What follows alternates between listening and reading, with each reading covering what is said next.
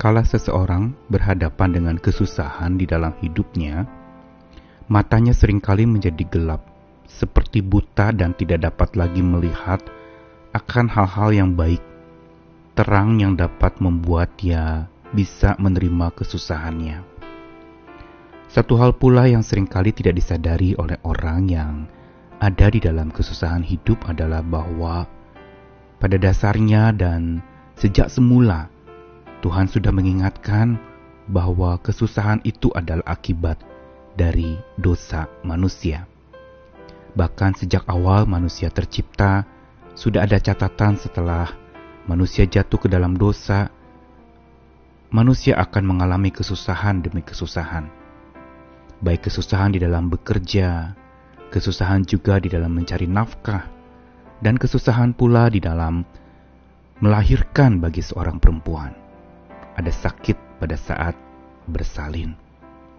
Dan ungkapan-ungkapan ini sesungguhnya adalah awal mula yang harusnya kita boleh memandang dan melihatnya pada saat kesusahan melanda.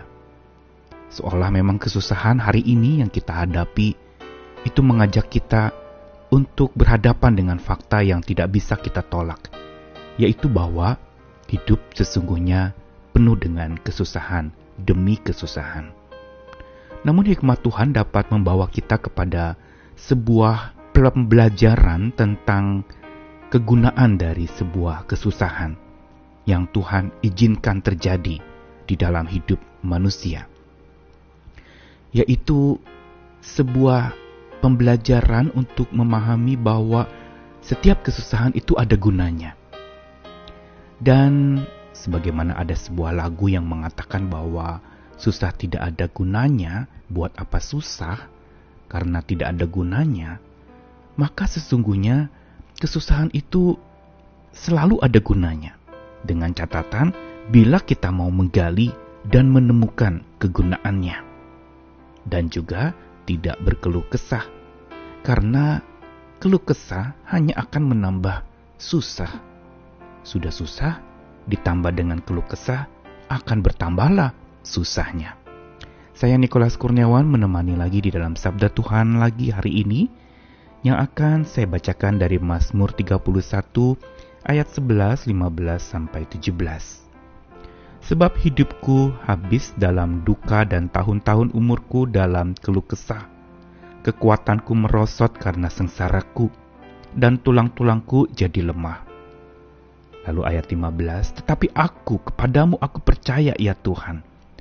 Aku berkata engkaulah Allahku. Masa hidupku ada dalam tanganmu. Lepaskanlah aku dari tangan musuh-musuhku dan orang-orang yang mengejar aku Buatlah wajahmu Tuhan bercahaya atas hambamu ini. Selamatkanlah aku oleh kasih setiamu. Mazmur 31 adalah sebuah mazmur penyerahan diri ke dalam tangan Tuhan. Sebuah keberserahan yang dalam ketika seseorang atau pemazmur ini sedang mengalami kesesakan, sedang mengalami kesusahan di dalam hidup, sedang mengalami sakit hati, yang membuat jiwanya merana. Dan itulah yang terungkapkan di dalam ayat 9 yang mengatakan kasihanilah aku ya Tuhan sebab aku merasa sesak karena sakit hati mengidaplah mataku meranalah jiwa dan tubuhku. Mazmur 31 ini sebenarnya mengajak kita yang sedang mengalami kesusahan untuk berhenti berkeluh kesah. Karena dicatatkan tadi bahwa seumur hidup habis dalam duka dan tahun-tahun umur dalam keluh kesah, maka itu menyebabkan kekuatan makin merosot karena sengsara kita. Dan tulang-tulang kita menjadi makin lemah. Ini gambaran yang mau dikedepankan oleh pemazmur untuk mengingatkan bahwa berkeluh kesah sesungguhnya tidak menyelesaikan masalah. Berkeluh kesah hanya akan menambah susah menjadi lebih susah lagi. Tetapi Mazmur 31 mengajak kita untuk seperti pemazmur pada akhirnya pun dia berserah kepada Tuhan. Dan inilah kunci untuk supaya kita tidak lagi berkeluh kesah, tetapi berserah kepada Tuhan pada masa-masa susah yang sedang kita hadapi. Dan keberserahannya itu sungguh nyata di dalam ayat 15 sampai 17 di mana pemazmur mengatakan tetapi aku kepadamu Tuhan aku percaya. Lihat penyerahannya berangkat dari kepercayaannya kepada Tuhan sebagai Allah yang memimpin hidupnya. Dan penyerahannya, keberserahannya kepada Tuhan itu juga termasuk menyerahkan masa hidupnya ke dalam tangan Tuhan. Dan sekali lagi dia juga berserah untuk membiarkan hidupnya itu dilepaskan dari tangan orang-orang yang mengejarnya, musuh-musuhnya, atau hal-hal yang membuat hidupnya susah itu. Dia memohonkan Tuhan untuk melepaskannya. Sehingga wajah Tuhan bisa bercahaya di atas diri orang yang sedang susah itu dan melalui kesusahan yang dihadapi itu. Apa yang ingin diajarkan di dalam ungkapan dari tiga ayat di Mazmur ini adalah ingin mengajak setiap kita untuk sungguh mengganti keluh kesah kita menjadi berserah, pasrah penuh kepada Tuhan.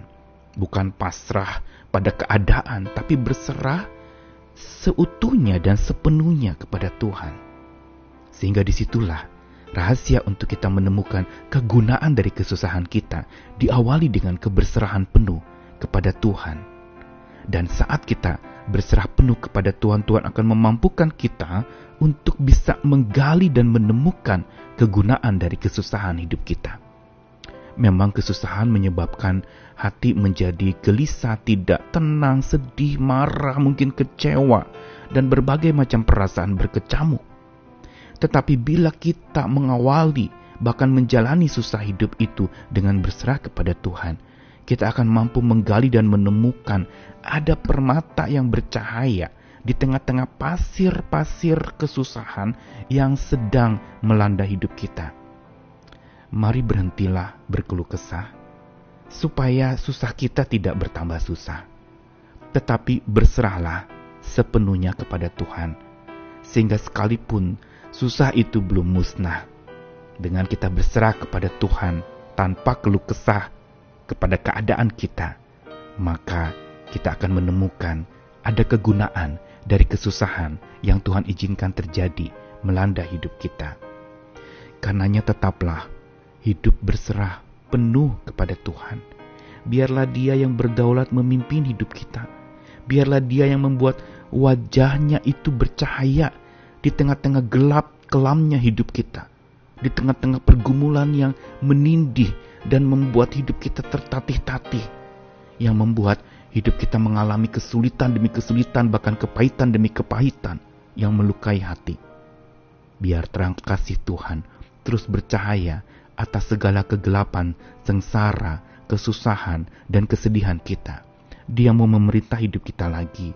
Dia mau membangunkan kita lagi dan dia mau supaya kita selalu menemukan ada kegunaan di balik kesusahan yang dia izinkan terjadi.